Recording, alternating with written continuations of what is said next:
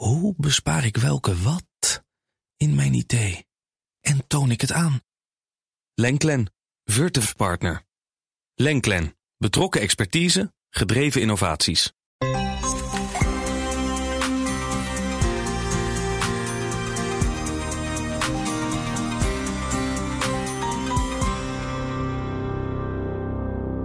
Dit is de Carbon Podcast, een podcast van Nieuwsbureau Energia en Grenzeloos Journalistieke Producties. Ik ben Tijdo van der Zee en in 10 afleveringen duiken we in de wereld van de CO2-emissierechten. Eerst zal Jos Kozijnse, emissiehandel-expert bij de Climate Neutral Group, puntsgewijs de belangrijke ETS-veranderingen in fase 4 behandelen. En we sluiten over een half uur af met een blik op de CO2-koersen met Chris Guth, marktkenner bij Engie. En vandaag hebben we het over het heden, de vierde fase van het ETS. Die loopt van 2021 tot 2030. En over die vierde fase waren al in 2017 afspraken gemaakt. Maar in juli vorig jaar kwam er het befaamde Fit for 55 pakket nog eens overheen. Uh, voor het ETS betekent dat een flinke aanscherping. Niet in 2058 zoals eerst afgesproken, maar al in 2040 zullen er geen nieuwe emissierechten meer worden uitgegeven. Uh, we praten erover met Rijen Gerlach, hoog, hoogleraar aan de Universiteit van Tilburg. En Corneel Lambrechts, manager Regulatory and Public Affairs bij de VNP, de Vereniging van Nederlandse Papier- en Kartonfabrieken. Maar eerst dus Jos Kozijnse.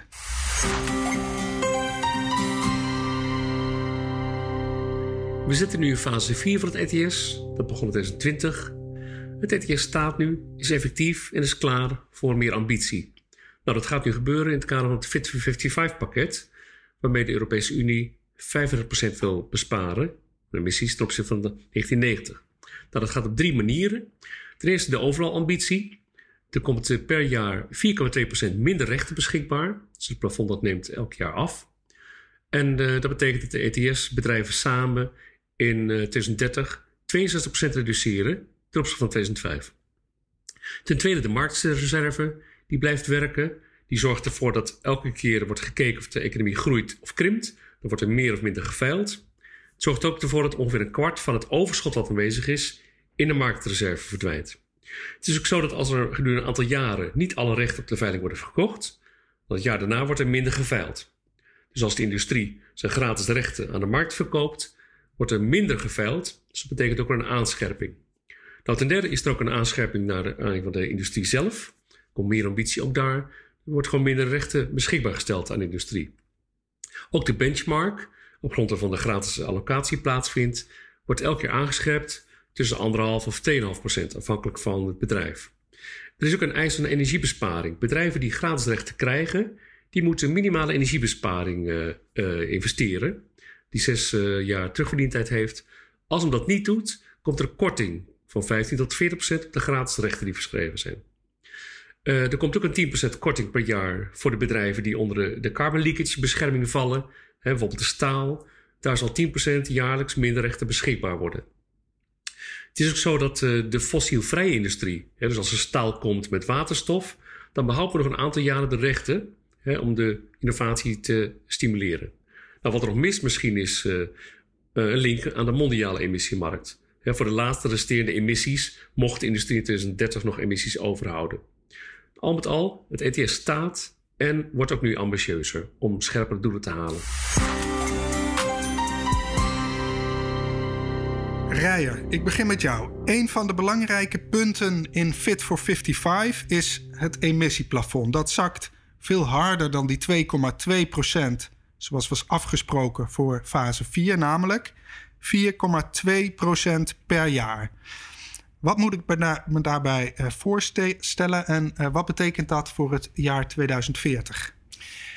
Um, ehm, het is eigenlijk best wel eenvoudig. Het is een lineaire reductiefactor van 4,2% per jaar. En je kunt rekenen 100% gedeeld door 4,2%. Dan heb je 23 jaar over. Ja. Dus 23 jaar na het referentiejaar zijn de emissies die worden uitgekeerd nul. Wat is het referentiejaar? Het referentiejaar is iets voor 2020. Dat is altijd een beetje ingewikkeld om dat te vinden in de documenten. Want dat wordt uiteindelijk wordt nooit genoemd in de populaire documenten.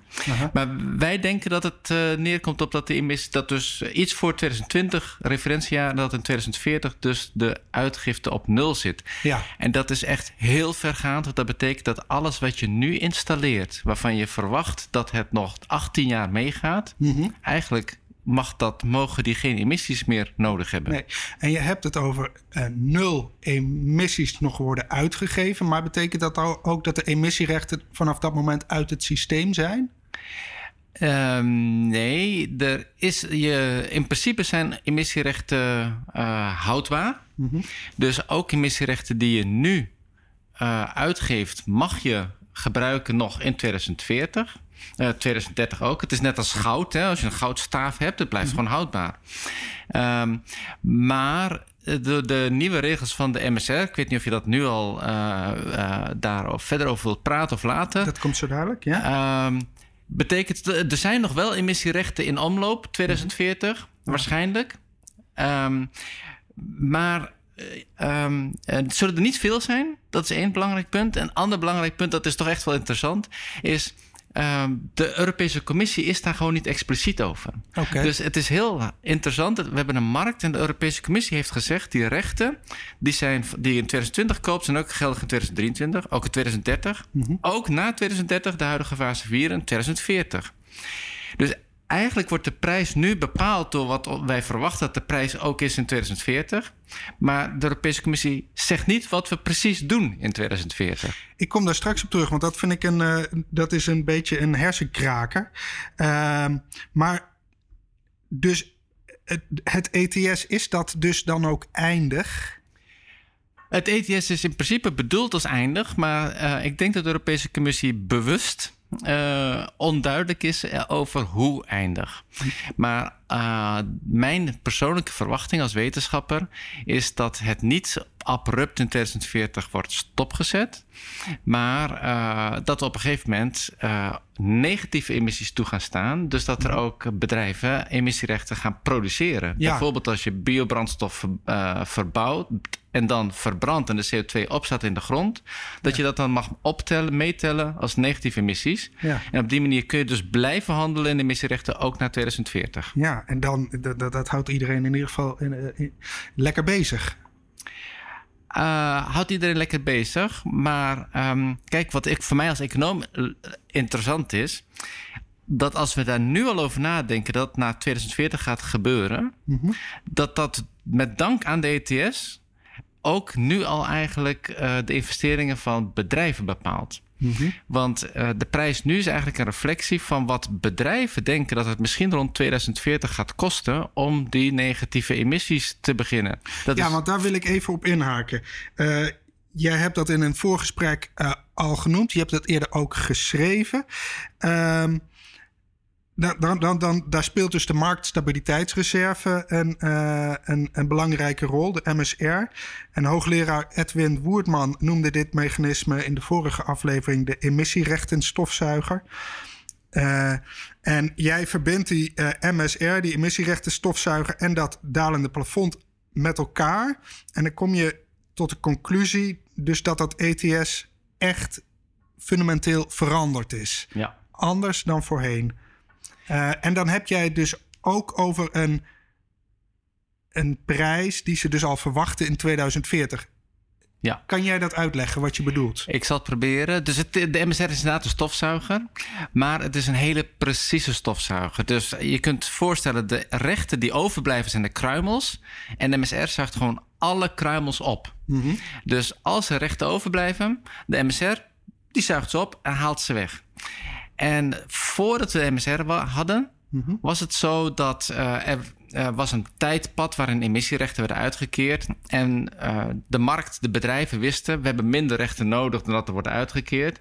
En dat is fijn, want die rechten kunnen we gebruiken. Toen was de reductiefactor minder sterk, na 2050. Ja, Dus de markt die dacht in 2050 zijn er misschien geen, worden geen nieuwe rechten meer, maar er is nog een heleboel over. Mhm. En omdat die markt geïntegreerd is over de tijd, was dus de prijs, die was toen rond de 20 euro. Er was eigenlijk de verwachting van, in zeker opzicht van de kosten in 2050. Ja. Nu hebben we die stofzuiger, de MSR, en die stofzuiger zorgt ervoor dat die rechten niet over zijn. Die zijn gewoon allemaal weggezogen. Mhm. Dus er zijn gewoon geen rechten meer vanuit het verleden die je meeneemt die, eh, na 2040, 2040, 2050. En dat betekent dat uh, de enige manier waarop bedrijven nog emissies kunnen uitstoten na 2040, 2050 is als andere bedrijven emissierechten gaan produceren door negatieve emissies. En dat is dus echt een heel fundamenteel. Uh, ja, daar is dus die prijs ook gestegen van zo rond de 20 euro mm naar nu rond de 80 euro. Ja, ja.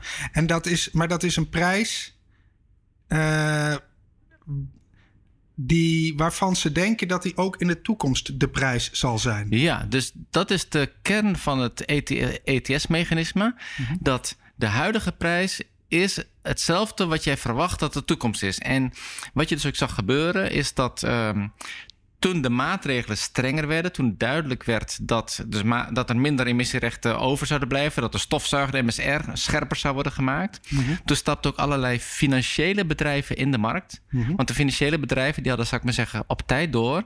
Deze rechten worden veel meer waard in de toekomst. Ja. En als we ze nu kunnen kopen voor 20 euro en we weten dat we ze in de toekomst kunnen verkopen voor 80 euro, hebben dikke winst. Dus die bedrijven, financiële bedrijven, die kochten op grote schaal emissierechten op. Ja, maar waarom, worden die, die, die, waarom wordt die prijs dan niet 200, 300 euro per recht? Omdat blijkbaar, dus, dus zijn twee verklaringen voor. Eén uh, is dat de markt dus blijkbaar denkt dat het niet zo duur is als dat sommige mensen denken om mhm. negatieve emissies te produceren. Mm -hmm. Dus je zou kunnen zeggen, bedrijven denken, nou misschien kan het wel voor 80 euro.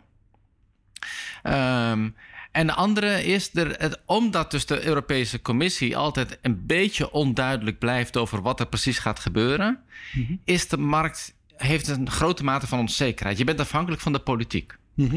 En er is altijd de angst dat misschien de politiek beslist na 2030 dat uh, die rechten toch niet zomaar uh, bruikbaar zouden zijn. Mhm. En dat dempt dus zeker op zich de prijs. En dat was ook in het verleden de reden waarom de prijs, zou ik maar zeggen, niet op nul was. In het verleden waren er zoveel rechten. Maar de prijs bleef positief. En dat was mensen dachten, ja, maar misschien gaat die politiek toch wel iets doen waardoor die rechten weer wat waard worden. Ja, ja.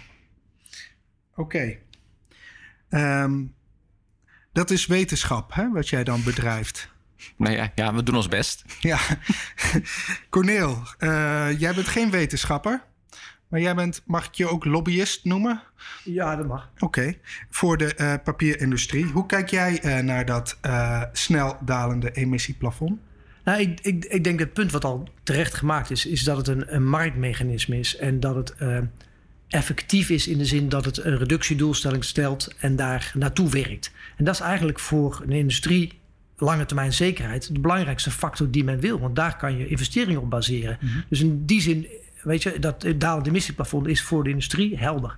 Ik denk dat het heel helder ook moet zijn dat je daar altijd moet kijken van... Hè, blijft het speelveld gelijk internationaal en binnen Europa. Dus hoe meer we dat regelen binnen Europa, hoe effectiever dat is. En je mhm. ziet dat het ook een kosteneffectieve prijsmechanisme is, zeg maar. Dus het, daar waar je het kosteneffectief de prijs kan reduceren, gebeurt dat dan ook. Ja. Dus in die zin, ja, zijn wij daar zeker voorstander voor. Krijgen we nou in één keer een ander soort wetgeving? Ja, dat is iedere keer het punt waar wij misschien als lobbyisten of als belangenvereniging naar kijken. Zeggen, nou zorg nou dat het helder, transparant is en dat het vergelijkbaar is met andere systemen. Het liefst ook te koppelen aan mondiale varianten natuurlijk. Maar dat is, dat we hebben altijd geroepen, dat hebben we ook gewoon niet. Dus we moeten het ook doen met wat we binnen Europa ja. hebben. Jij hebt voor vandaag uh, ook de locatie uitgezocht, hè? Uh, papierfabriek van uh, Smurfit Kappa Parenco in Renkum. En dat is echt aan de zuidkant van de Veluwe. En uh, volgens mij is de, de Veluwe, uh, vooral die flanken van de Veluwe, de oostkant ook, daar zitten van oudsher veel papierfabrieken. Dat zal geen toeval zijn. Weet jij wat, wat daar de, de, historische reden van is? Ja, dat klopt inderdaad. Dat er van oudsher heel veel papierfabrieken in Gelderland zitten. Ongeveer de helft van de Nederlandse papierindustrie bevindt zich in Gelderland. En dat is ja, echt al 300 jaar oud, mm of soms zelfs ouder. En dat heeft eigenlijk te maken met de beschikbaarheid van water. Uh, in het verleden werden de, de, de, papiermolens letterlijk door het water aangedreven. Maar ook nu nog is de beschikbaarheid van water voor het productieproces noodzakelijk. En ja, in die hoedanigheid zijn er hier veel fabrieken ontstaan. En die hebben eigenlijk altijd in de tijd weten te innoveren, aan te passen.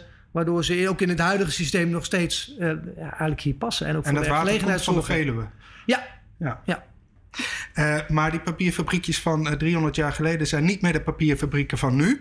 Uh, dus ze vallen al vanaf, twee, vanaf het begin van het ETS ook onder het ETS. Hè. Ze worden gerekend tot de, nou, de grote industrie. maar pas nu in fase 4 gaat het zo zijn dat papierfabrieken hun emissierechten niet meer allemaal gratis krijgen. En daar komen dan de zogeheten benchmarks om de hoek kijken. Corneel, wat is een benchmark en welke benchmarks zijn er in de papierindustrie? Ja, nou misschien even het eerste punt is misschien dat ook al in de eerste fase, de fase hiervoor, zeg maar in de huidige, uh, de, derde fase, uh, waren de rechten niet volledig, zeg maar. Meer. Oh, Dus we waren al ondergeallokeerd. Uh, maar eigenlijk is het, zeg maar, om, om terug te gaan naar de eerste vraag, de, de benchmarks zijn eigenlijk de waarden die je ver, per ton product aan CO2 zou mogen uitstoten. En voor mhm. ieder type product kun je zeggen, is er een efficiëntiemaat die zegt zoveel ton CO2 zou je nodig moeten hebben om dat bepaalde product te maken. Maar dat mhm. geldt dan alleen voor de beste 10 in heel Europa. Dus op basis van alle bedrijven die de Europese Commissie zeg maar, in hun database hebben, kunnen zij beoordelen van hoe efficiënt zou je nou dit product kunnen maken. Ja. En die datacollectie is eigenlijk begonnen in 2008. Toen zijn voor alle bedrijven zijn, is men data gaan verzamelen. Heeft men bepaald, oké, voor deze type producten heb je zoveel ton CO2 daadwerkelijk nodig om het te produceren. En stapsgewijs eh, hebben ze natuurlijk in alle jaren die daarna kwamen, zijn van al die benchmarks nog meer gegevens verzameld. Want ieder jaar worden de activiteiten gerapporteerd door bedrijven. Er zitten de productiecijfers in. Dus daar kunnen ze heel goed in monitoren van oké, welke producten kunnen nou efficiënter gemaakt worden en, en welke niet. Ja. En voor, en voor ja? Zo, ja, jij wilde. Ja, ik wou voor de, verder. En voor de papier was je vroeg ook nog hoeveel, wat voor type producten zijn de benchmarks zijn dan. Zijn ongeveer 11 uh, eh, productbenchmarks voor de papier. Mhm. En ja, de bekendste zou je zeggen zijn de, de, de, de golfkartonpapieren. Dus die je voor je golfkartonnen dozen maakt. Uh, maar je hebt ze ook voor uh, massief karton. En dat zijn dan weer ja, de dikkere dozen of, of kaften voor boeken. Ja. maar ook grafische papieren, dus juist fijnere papieren of ja, vouwkarton dus. Uh, en je hebt ook nog vormkarton. Dat zijn de eierdozen, zou ik maar zeggen. Ja, en dan zo nog een stijl. Ja. En uh, wat is de relatie tussen een benchmark en de hoeveelheid gratis rechten die een fabriek krijgt toegewezen? Ja, in het, in het ETS is het zo dat als je een product maakt, dan zou je zeggen als je het schoonste bent en je hoort bij de beste 10, dan krijg je 100% van je rechten mm -hmm. gratis gealloceerd, mits, en dat mits je in de carbon leakage lijst staat. Dus wordt, moet je beschermd worden internationaal dat jouw product eigenlijk moet concurreren, dan krijg je die rechten gratis. Want anders zou jij een hogere kostencomponent hebben, die je omringende landen buiten Europa niet hebben. Dan moet je datzelfde product wel in Europa afzetten, terwijl je concurrenten dat niet hebben. Dus op het moment dat jouw product die, benchmark, die, die carbon leakage status heeft, mhm. dan bestaat de mogelijkheid om die 100% gratis recht te krijgen als je daadwerkelijk het op de meest schoonst mogelijke manier mhm. dat product produceert. Ja, ja. Uh, hoe staan Nederlandse fabrieken op die benchmark uh, uh, nou, ranglijsten? Ja, nou, dat was een, een, onderzoek van 2019 van de NEA, waar men op basis van de data toen heeft gezegd: we weten wat de benchmark ongeveer zou kunnen worden, zeg maar, in de toekomst. Mm -hmm. Toen hebben ze op basis van die gegevens gekeken. En toen was de papierindustrie een van de weinigen die net iets beter scoorde dan in de hele breedte dan de algemene Europese benchmark. Die zou gaan gelden voor 2021. Dus je zou zeggen, nou, dat is positief. Hè? We doen het goed. Ja. Uh, er, zit, zitten heel dicht tegen die, die, die benchmarkwaarde aan. Maar je moet altijd wel kijken van, is dat nou collectief zo? Of is het een specifieke locatie waar een grote impact heeft? Mhm. En daar zie je dat voor sommige benchmarks, voor bepaalde producten, het gewoon lastig is om daadwerkelijk in de buurt te komen. Voor anderen niet. En het is, ik denk het belangrijkste, helemaal geen garantie voor de toekomst. Dus de mate waarin de benchmarks in de toekomst afnemen, mhm. ja, die is dermate groot dat het ook belangrijk is dat je eigenlijk meer moet innoveren. En we hebben in het verleden veel gedaan in, in, in vorm van energiebesparing, eh, maar ook eh, eh, slimme eh, nieuwe producten ontwikkeld, waardoor het inderdaad duurzamer werd. Mhm. Maar ja, nu wordt, bestaat wel een spanningsveld waar de snelheid waarmee geïnvesteerd moet worden en de snelheid waarmee de, de afname inderdaad van de benchmark plaatsvindt. Ook, ja, maar ook want die systeem. benchmark, dat is dus, ehm, die wordt steeds eh, strenger. En ik, ik heb ook de, in, volgens mij ook in Fit for 55, maar het kan ook de eerdere onderhandelingen zijn voor fase 4. Dat weet ik even niet meer, maar die gaan van 1,6% naar 2,5%. Kan je mij uitleggen wat dat inhoudt? Ja, nou ja, eh, feitelijk zou je kunnen zeggen, ten opzichte van 2008 weet je dat je een bepaalde eh, benchmark hebt gekregen. In de huidige fase geldt al dat die al 1,6% jaarlijks gekort wordt ten opzichte van 2016. Dus in de eerste fase krijg je, of ten opzichte van 2008, dus krijg je een korting van dat percentage over je eerste allocatie. En in het tweede deel zou dat dan bijvoorbeeld al 32% reductie zijn van je totale benchmark. Dus de hoeveelheid rechten die je geallockeerd krijgt, wordt al met 32% gereduceerd. Als die naar 2,5% gaan, zou er al 50% reductie plaatsvinden. Dus dan zie je dat dus de efficiency van je eigen product moet al 50% beter zijn geworden. Dat is een enorme driver om, zeg maar, om daadwerkelijk te investeren. Wil je onder die uh, efficiency benchmark blijven, wat aantrekkelijk is in beprijzing natuurlijk. Ja, dus die, die strengere benchmark is, die zorgt ervoor dat in Nederland de papierindustrie ongeveer 50% van zijn rechten niet meer gratis toegewezen krijgt. Ja. Ja. Ja. ja. Uh, ik, ik zou dat iets preciseren. Het uh, zorgt ervoor, als dat mag, hè? Ja, tuurlijk. Um, dus de rechten per ton papier die je produceert, worden met de helft gereduceerd. Maar het idee is niet dat ze nog steeds evenveel rechten nodig hebben. Het idee is dat de machines dusdanig zijn aangepast dat ze ook maar die 50% nodig hebben. Mm -hmm. Dus um, uh, uh, het, uh, het, is niet dat ze maar 50% krijgen wat ze nodig hebben. Nee, het systeem is zo opgezet dat ze minder. Er is een hele sterke drive in het systeem om te zorgen dat de bedrijven zelf investeren om minder nodig te hebben. Ja. En dat is waarom ik het een, echt een heel goed systeem vind. Ja, jij vindt het goed dat die gratis emissierechten worden uitgefaseerd. Ja, als, je, als wij uh, klimaatneutraal willen uh, zijn rond 2050, dan betekent dat dat alle fabrieken klimaatneutraal moeten zijn. Mm -hmm. uh, en dat betekent dus dat alle fabrieken geen emissierechten meer moeten krijgen voor ruim voor 2050, zeg rond 2040. Ja. Dus dat is maar één manier: minder rechten geven elk jaar. Ja, ja, ja. Dat gaat dus niet door uh, gratis rechten uh, toe te wijzen. Nou ja, wel, maar wel dus telkens minder. Ja, ja er zit, zit natuurlijk wel iets met de benchmark wat een beetje bijzonder is. Is dat eigenlijk als je in het verleden weinig hebt gedaan, dan is je efficiency misschien niet zo heel hoog geweest. En daardoor kun je nu nog stappen maken. Dus de, degenen die voorgelopen hebben in de besparingen, die worden extra gestraft. Want die krijgen een punt waarin ze nu efficiënter zijn in de benchmark. En dat wordt nog eens verlaagd. Uh, en dus de mogelijkheden om dan te reduceren binnen een bepaalde type product, die zijn misschien wel beperkter. Terwijl bij anderen die achter zijn gebleven, zijn daar meer mogelijkheden. Ja. Nou, dat is iets wat. Ja, dat, dat kun je op die manier niet regelen. Maar dat laat onverlet maar, dat de CO2-reductiecomponent zo belangrijk is dat dat uiteindelijk doorslaggevend moet zijn. Maar het is wel een, in een soort systeemfout. Um, ik begrijp dat dat oneerlijk aanvoelt. Um, maar um, het eikpunt of de kern is uiteindelijk. In, in het verleden was, waren we heel vaak gericht op besparing, energiebesparing, minder CO2. Maar het mooie van dus die Fit for 55 is. Het, nu is het focus, het uh, doel is heel duidelijk anders. Het is niet minder CO2, het is nul CO2. Ook bedrijven die in het verleden uh, weinig. Uh, efficiënt waren, die dus veel gratis rechten krijgen, die moeten ook gewoon nul emissie, emissies hebben uh, voor 2050 of misschien 2040. Dus in dat opzicht is het speelveld uh, uh, in de toekomst toch echt gewoon gelijk. Trekt dat weer langzaam naar elkaar toe. Ja. Um, ik pak nog even één maatregel ook uit Fit for 55. Dat is, um, we kijken bedrijven die uh, een um, verplichte energieaudit uh, uh, krijgen vanuit de Energy Efficiency Directive. Die maatregelen die zich binnen vijf jaar laten terugverdienen, die, die moeten ook genomen worden. En, en, en doen ze dat niet, dan krijgen ze een korting van 25% op de gratis rechten die ze krijgen. Kan een van jullie precies uitleggen hoe dit zit?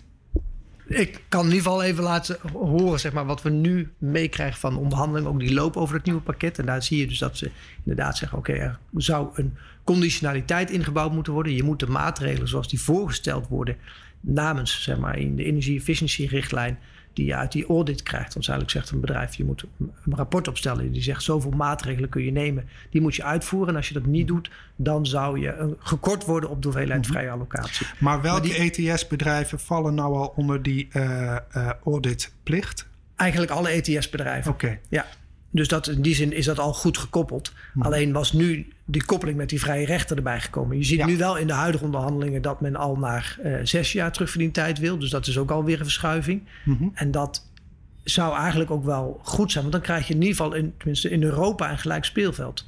Uh, of het nou efficiënt is in, in, in de vorm van een extra driver die je nodig hebt. Uiteindelijk gaat het om de CO2-reductie, zoals al, al aangegeven. Dus ja, als een bedrijf zijn eigen keuze kan maken waar die die reductie laat plaatsvinden. Of dat nou door energiebesparing is of door conversie. Uh, dan krijg je hetzelfde effect natuurlijk. Mhm. Uiteindelijk is namelijk in het systeem zijn alle fossiele brandstoffen uh, zijn belast. Mm Dus dan hou je eigenlijk over dat je het elektrisch deel efficiënt wil maken. Nou. de vraag is, is dat dan de meest efficiënte manier te doen om dat met een, met een uh, auditrapport te gaan doen? Of kan je zeggen, zou je niet beter de, de pompen, de aandrijfmechanismen, de motoren zo kunnen ontwerpen dat ze per definitie eens in de zoveel tijd vervangen worden door efficiëntere varianten. Ja. En dat in een richtlijn vast. Ecodesign is dat. Ja. Ja, ja dus daar, zit een, daar zit een ander soort gedachte achter die misschien een betere driver is om elektrische efficiëntie te vergroten. Ja.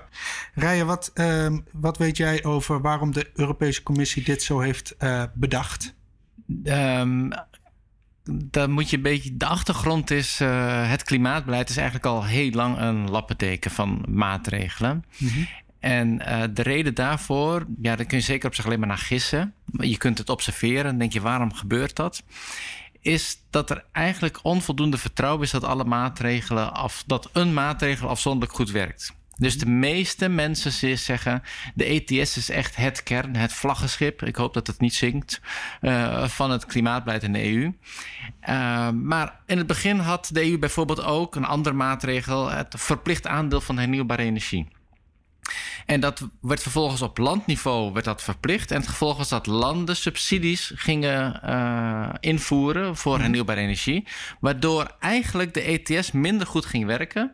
Want daardoor ging de prijs van, was minder vraag naar emissierechten. De prijs ging omlaag en daardoor ging de industrie minder haar best doen. Mhm. Dus eh, er is een lappendeken en die lappendeken werkt niet altijd goed. En waarom is het dan toch die lappendeken? Ja, omdat de Europese Commissie denkt, uh, dat beeld ik mij erin. Hè? We weten niet zeker of die ETS wel goed werken, dus laten we ook maar die andere maatregelen nemen. Of dit onderwerp uh, kunnen, is, kan ook inderdaad het idee zijn. We weten niet zeker of die industrie wel echt uh, scherp op het netvlies heeft dat die reductie, lineaire reductie zo sterk naar beneden gaat. We moeten ze verplichten om in ieder geval ook die andere maatregelen te nemen. En er is ook een voordeel, politiek. Um, maatregelen die niet eh, vertaald worden in een prijs, maar die je vertaalt in normen, die zijn, zou ik maar zeggen, politiek minder zichtbaar als kostbaar. Mm um, dus een CO2-prijs of een CO2-belasting, dat is nooit mogelijk geweest. Waarom niet? Omdat dat politiek zichtbaar is. Dan moeten bedrijven zoveel euro's gaan betalen aan de staat. Ja, dat willen we niet. Als maatschappij voelt dat onprettig voor een deel. En dus deze maatregelen die voelen, uh, die hebben minder dat gevoel dat negatief gevoel mhm. in de maatschappij. En daardoor zijn ze makkelijker te accepteren. Um, en dan, uh, dan verlaagt het ook de druk op, zou ik maar zeggen, bijvoorbeeld de ETS-prijzen. Dat is een deel van het idee erachter. Dus uit de theorie zeggen de wetenschappers bijna altijd van... we eigenlijk zouden het niet willen. Bedrijven zijn, als wij kijken naar de data... redelijk efficiënt mhm. in uh, als je ze de goede prijs geeft dan nemen ze echte maatregelen om de CO2 te reduceren. Um, in het verleden was die prijs niet hoog genoeg. Toen had je misschien aanvullende maatregelen nodig. Maar die prijzen die we nu zien, rond de 80 euro, die zijn zo hoog. Eigenlijk heb je nauwelijks meer aanvullende maatregelen nodig, denken wij. Ja, we hebben dus eigenlijk 18 jaar, zoals Rijer zei, eh, waarin papierfabrieken zo goed als energie-neutraal aan moeten worden. Uh, we hebben vanaf nu een structureel hoge CO2-prijs. We hebben een aantal, groeiend aantal emissierechten dat niet meer gratis wordt toegekend. Um, nou ja, dat zijn een drie uh, zeg maar elementen als het gaat om business case. We hebben het gewoon over een bepaalde manier van produceren nu. Ja. Die kost je gewoon de komende 10, 20 jaar uh, zoveel geld. En uh, je weet, gezien de prijs van emissierechten, dat je dus als je nu bijvoorbeeld een investeringsbeslissing maakt, dan hoef je die kosten de komende 20 jaar niet te betalen. Dus wanneer is het, ja, een, wanneer is het een business case om over te gaan? Ik, ik, ik denk dat de, de, business case, die zie je nu al zeg maar, ontstaan. En daarom zie je die stappen die geïnvesteerd worden. En de, de, de truc die wij, of truc, de, de, de, de strategie daarachter die we toepassen, is eigenlijk zoveel mogelijk diversificeren en meerdere opties beschikbaar houden. Dus ook waterstof wil je meenemen in je pakket aan mhm. maatregelen. Dan moet je wel aan de waterstofbackbone aangesloten kunnen worden. Maar het gaat dus om uh, elektrificatie een groot deel. En daar valt veel te halen. Uh, in sommige gevallen zullen we misschien helemaal elektrificeren op bepaalde locaties. Maar anderen zullen zeggen, ja, we willen tegelijk ook die waterstof erbij hebben. Uh, nou, waterstof heeft ook een bepaalde prijs. Dus op een gegeven moment komt vanzelf door de stijgende prijs en de afname van de, van de emissierechten die maatregel dichterbij. Ja. Maar dan houden we nog steeds dat we denken, ja, ergens als we fundamenteel iets anders willen doen in ons proces, daar moeten we nog meer op inzetten. Dus dat is eigenlijk onze innovatiestrategie nu. We moeten binnen tien jaar beschikbaar hebben, beschikbare doorbraaktechnologieën gewoon hebben. Dus daar zetten we op in. Dus een deel van die 70% is bekend. Dat worden bestaande technologieën, uh, industriële warmtepompen die er komen. Daarvan is wel helder dat dat, dat dat kan en dat dat haalbaar is dat deel wat doorbraaktechnologieën, daar wordt nu op ingezet. Dus dat moeten we binnen die tijdspan gewoon gerealiseerd hebben. En dat is de grote uitdaging, denk ik. Ja. En voor meerdere industrieën, dat is, uh, hoe ga je nou fundamenteel processen anders inrichten, mhm. is toch wel een, een hele interessante. Ja. Rijen, aan jou de vraag ook. Maar dan hoef je het niet over papierfabrieken eh, te hebben specifiek. Maar wanneer denk jij dat, gegeven de huidige nou, uh, omstandigheden, de industrie zijn omslagpunt bereikt? Als er al een omslagpunt komt. Nou ja, ik, ik, denk dus heel snel. Ik denk, dus ik ben echt heel blij met Fit for 55, de ETS en de MSR. Want ik denk, het is nu echt zo. De, het is nu helder voor de industrie. We worden klimaatneutraal als Europa. En dat gaat gewoon gebeuren binnen jullie horizon. Uh, wat ik denk dat je kunt zien, is dat als je maar heldere regels hebt en als maar duidelijk is voor de industrie dat het echt gewoon streng wordt en richting klimaatneutraal, dan komen die innovaties er vanzelf. Dus de industrie die zet nu de knappe koppen, de ingenieurs, op de vraag: hoe kunnen we straks de processen hebben die gewoon nul fossiele brandstoffen gebruiken?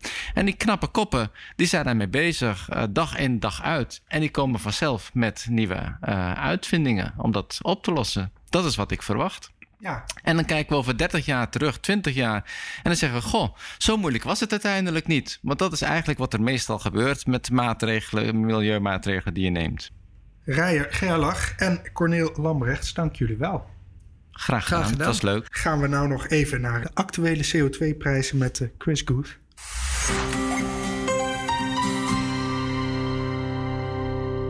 Eh, Chris, afgelopen week hebben de ETS-bedrijven hun compliance aankopen moeten doen. Dat zijn rechten die nodig zijn om de uitstoot van vorig jaar af te dekken. Uh, heb je dat kunnen terugzien in de prijs? Mogelijk. Ehm, eind april uh, zagen we dat de prijzen uit hun vrij nauwe handelsbandbreedte uh, wisten te ontsnappen uh, naar boven toe. Ja. Wat mogelijk het resultaat was van een zogeheten last minute compliance buying van bedrijven die dus nog um, een aantal rechten moesten aankopen om hun uitstoot van het jaar daarvoor te kunnen afboeken. Ja, en dat zijn dan dus rechten die eigenlijk niet tegen de prijs uh, gekocht worden waarvoor je ze het liefst zou willen hebben. Het huidige prijsniveau wordt als uh, relatief hoog ervaren, inderdaad. Uh, dus als je nog short zat, dan uh, betekende dat nogal wat financieel. op welke prijs zitten we nu en wat zijn de ontwikkelingen geweest de afgelopen weken? Zoals ik al zei, we zijn uit die nauwe prijsbandbreedte ontsnapt. De markt die heeft kortstondig de 90 euro per ton aangetikt om vervolgens weer wat af te zakken.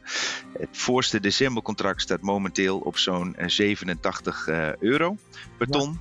Um, ja, nervositeit omtrent Russische gasleveringen overheerst momenteel gewoon op alle energiemarkten. En de CO2-markt is hier niet immuun voor. Kijk, mocht de toevoer daadwerkelijk uh, stagneren. In Nederland wekken we toch ongeveer de helft van onze behoefte op met uh, elektriciteitsbehoefte op met aardgas. Um, op dit moment geldt er een kolenstookplafond. De kolencentrales die in Nederland nog staan, mogen tot maximum 35% op jaarbasis van hun capaciteit benutten. Nou, stel dat toevoer daadwerkelijk ook voor meerdere uh, lidstaten uh, wegvalt. Dan kan ik me zo voorstellen dat om het licht aan te houden, uh, die plafond eraf gaat. kolencentrales dus harder mogen draaien. En uiteraard meer vraag naar emissierechten tot gevolg. Je denkt ook dat uh, daar veel van af zal hangen de komende weken? Ja, de markt is echt in de greep over de ontwikkelingen uh, voor wat betreft de, de, Russische gastoevoer. Er is veel nou ja, nervositeit over. We zien natuurlijk het effect, hè, of in ieder geval de prijsdrukkende factoren op dit moment zijn natuurlijk de afnemende bedrijvigheid. De hoge mhm. energieprijzen die hakken er best in bij veel bedrijven, waardoor ze minder of, of in sommige gevallen vo volledig stilgelegd worden. Um, dat zijn de hoge gasprijzen zelf. Maar je kan je natuurlijk ook voorstellen dat als de toevoer daadwerkelijk uh, um, volledig wegvalt, dat dan noodgedwongen de, de, de, de industrie zal moeten sluiten, omdat er simpelweg geen, geen gas meer is. Met minder uitstoot tot gevolg en minder vraag naar emissierechten dat, is, zeg maar, de twee, dat zijn de twee uitersten. Um, ook zien we gewoon nu al uh, uh, met een aanhoudende gastoevoer vanuit, vanuit Rusland, in ieder geval naar de meeste Europese lidstaten, is dat uh, de, de, de ramingen voor economische groei, die worden meermaals, zijn meermaals neerwaarts bijgesteld. En dat is, de optelsom daarvan resulteert natuurlijk ook in minder ja, bedrijvigheid, minder uitstoot. Um, tel daar bovenop, uh, en dit is dus ook een prijsopdrijvende factor voor emissierechten, is dat de beschikbaarheid aan Franse kerncentrales enorm laag is. Uh, meer, minder dan de helft uh, zijn op dit moment operationeel. En dat is natuurlijk een vorm van emissievrije productie, grootschalige productie. Ja. En samen kernenergie binnen Europa, samen met hydro, dus waterkrachtcentrales, die zijn gezamenlijk goed voor zo'n 39% van de productie. En ook bij hydro zien we uh, tegenvallende uh, productiedata. dus met andere woorden, uh, de waterreservoirs zijn minder goed gevuld dan voorgaande jaren. Met name in Italië, maar ook in Noorwegen. En dat heeft zo zijn effect op de manieren waarop we elektriciteit opwekken die emissievrij zijn. Ja, ja. Dus weer een prijsopdrijvend effect. Chris, dat is uh, een heldere uitleg. Dankjewel. Yes, tot de volgende keer, Tijdo. In de volgende aflevering, die vanaf woensdag 25 mei te luisteren is, gaan we het hebben over CBAM, het Carbon Border Adjustment Mechanism, dat Europese bedrijven moet beschermen tegen bedrijven uit andere delen van de wereld waar geen prijs op CO2-uitstoot staat. Aan tafel schuiven dan aan Maartje Wijvelaars, econoom bij de Rabobank, en Mohammed Shahim, Europarlementariër en rapporteur voor het CBAM. Mis de aflevering niet en abonneer je dus op de Energia Carbon Podcast in je favoriete podcast-app.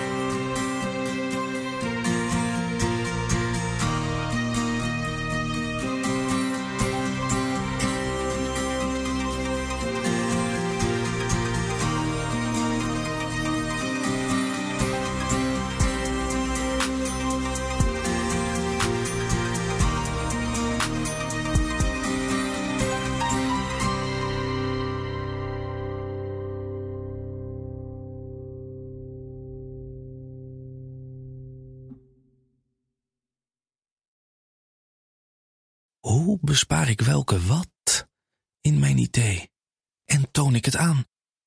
Lenklen, Virtuf Partner. Lenklen, betrokken expertise, gedreven innovaties.